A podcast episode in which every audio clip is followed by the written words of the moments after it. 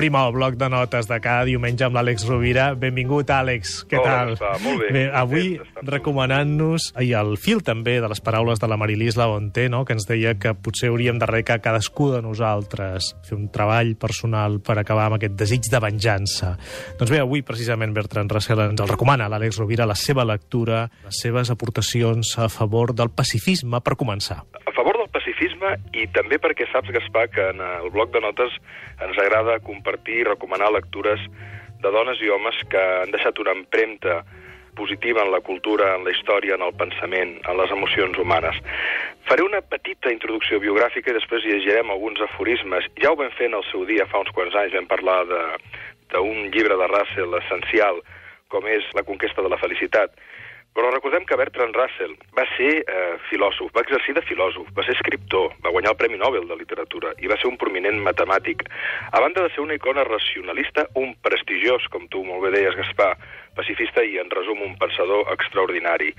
Galès, orfe de pare als sis anys, passava llargues hores a la biblioteca del seu avi i aquí es va elaborar el seu amor per la literatura i per la història. Va passar pel Trinity College de Cambridge, era una persona que venia d'una família rica, d'una família aristocràtica, i tant en aquesta disciplina com en la filosofia, és a dir, matemàtiques, filosofia, va fer magnífiques aportacions a la lògica, a l'epistemologia, a la metafísica i també a l'ètica.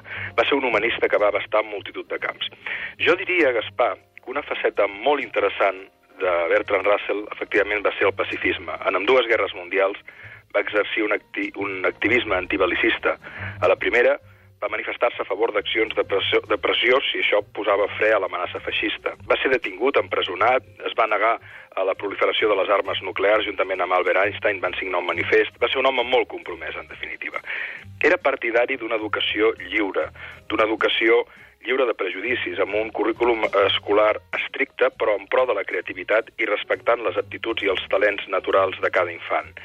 Llibres que ha escrit, alguns més tècnics, com Principia Matemàtica, o Els camins de la llibertat, o La conquesta de la felicitat, que és un clàssic, o El valor del lliure pensament. També va fer un llibre molt interessant que és Misticisme i lògica. I per acabar, tres idees fonamentals de Bertrand Russell.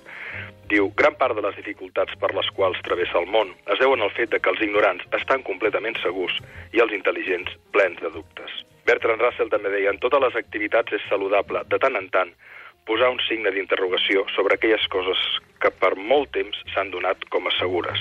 Una que m'agrada moltíssim és que va dir jo no moriria mai per les meves idees, doncs podria estar equivocat. Estava aquí intentant prendre nota, però ets tan amable, sisplau, Àlex, de tornar-les a repetir les tres? Sí, i tant, i tant. Gràcies. I tant. I tant. Gran part de les dificultats per les quals travessa el món es deuen al fet que els ignorants estan completament segurs i els intel·ligents plens de dubtes.